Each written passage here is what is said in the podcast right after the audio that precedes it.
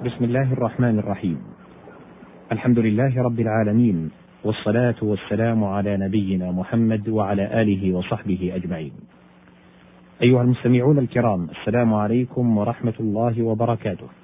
أحييكم وأرحب بكم في مستهل هذه الحلقة من حلقات برنامجكم غريب القرآن.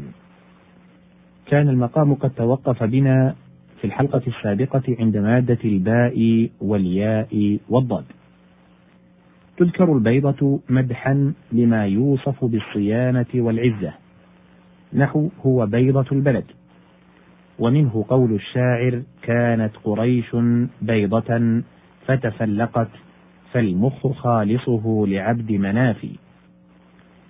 وبيضة الحديد تشبيها بالبيضة في بعض هيئتها ولونها، والبياض لما يزدرع من الأرض والسواد لمزدرعها ومنه أرض السواد ويعبر عن الجمع وعن المعظم بالبيضة. وفي الحديث حتى يستبيح بيضتهم. قال الهروي عن شمر عنا جماعتهم وأصلهم وقال الأصمعي بيضة الدار وسطها ومعظمها. الباء والياء والعين. البيع إعطاء المثمن وأخذ الثمن والشراء إعطاء الثمن وأخذ المثمن وقد يقع هذا موقع هذا وذلك بحسب ما يتصور من الثمن والمثمن قال تعالى وشروه بثمن بخس وقوله تعالى في سورة التوبة فاستبشروا ببيعكم الذي بايعتم به إشارة إلى بيعة الرضوان في قوله تعالى: لقد رضي الله عن المؤمنين إذ يبايعونك تحت الشجرة، وإلى الشراء المذكور في قوله تعالى: إن الله اشترى من المؤمنين أنفسهم وأموالهم بأن لهم الجنة. والبيعة والمبايعة ما يأخذه الإمام على رعيته من المواثيق بالسمع والطاعة. وقوله تعالى في سورة الحج وبيع وصلوات جمع بيعة وهي مصلى النصارى. الباء والياء والنون. بان الشيء يبين بينا فهو بائن وبان بمعنى فارق. قال كعب بن زهير بانت سعاد فقلبي اليوم متبول. والبينة الأمر الواضح. ومنه قيل إني على بينة من ربي في سورة الأنعام أي أنا على أمر واضح ظاهر. والبينة الحجة ومنه البينة على المدعي لأن بها ينكشف الحق ويتضح. والبينة الدلالة الواضحة عقلية كانت أو حسية. التاء والباء والباء. التباب والتتبيب الخسران. قال تعالى وما كيد فرعون إلا في تباب في سورة غافر. وقال في سورة هود وما زادوهم غير تتبيب ويعبر به عن الهلاك لأن الهالك خاسر نفسه وماله. ويقال في الدعاء عليه تبا له وتب نصبا ورفعا وتببته قلت له ذلك. نحو أففته أي قلت له أف أف. وتضمن معنى الاستمرار فيقال استتب لي الأمر أي استمر.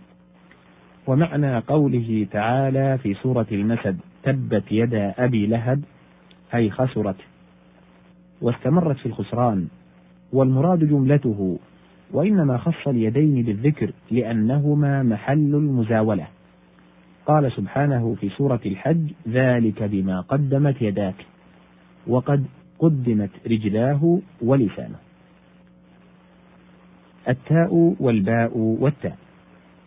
قوله تعالى في سورة البقرة أن يأتيكم التابوت. التابوت الآلة المعروفة تنحت من خشب وغيره وأصله لما يجعل فيه الميت وقد يجعل فيه غيره. وهل هو من التوب وهو الرجوع لأنه يرجع إليه صاحبه عند حاجة يأخذها منه؟ فيكون وزنه فعلوت كملكوت ورهبوت من الملك والرهبة. أو لا اشتقاق له ووزنه فاعول حكم عليه بأصالة تائيه كقاطوع هذا خلاف مشهور بين الصرفيين.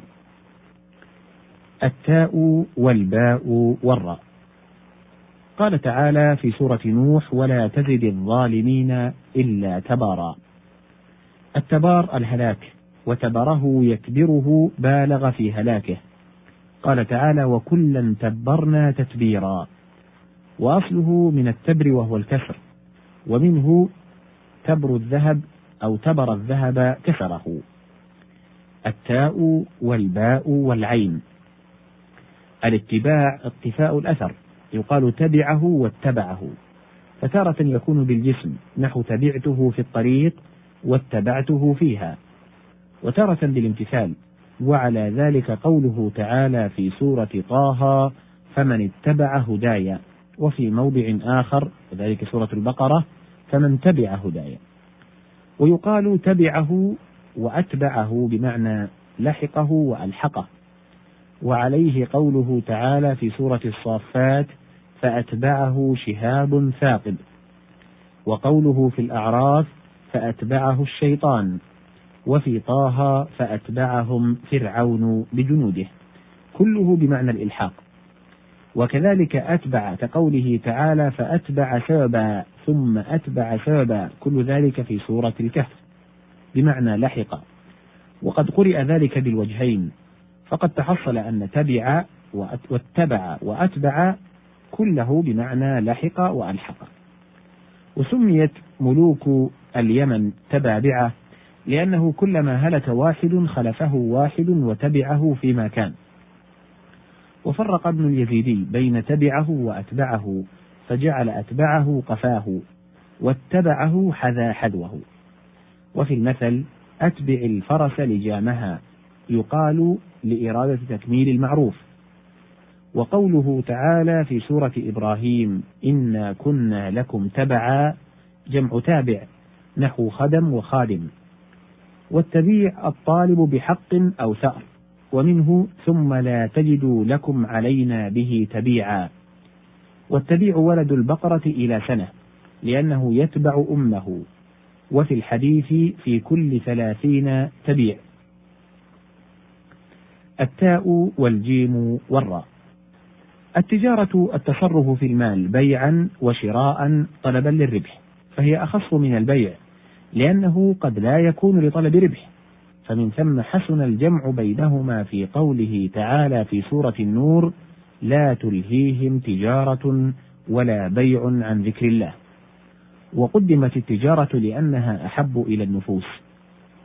وقوله تعالى في سورة الصف هل أدلكم على تجارة؟ قد فسرها بقوله تؤمنون إلى آخره. وأي تجارة أربح من تجارة تؤدي إلى النجاة من العذاب المؤلم الفادح. ويقال تاجر وتجر فتجر إما جمع تكسير وإما اسم جمع حسب ما اختلف النحويون في راكب وركب وصاحب وصحب. وتستعار التجارة للحفظ في الشيء فيقال فلان تاجر في كذا أي حاذق فيه. هنا نتوقف عند هذه المادة على أمل بلقاء بإذن الله قريب. قبل الختام أشكر زميلي المهندس الإذاعي شير السلطان. شكرا جزيلا. والسلام عليكم ورحمة الله وبركاته.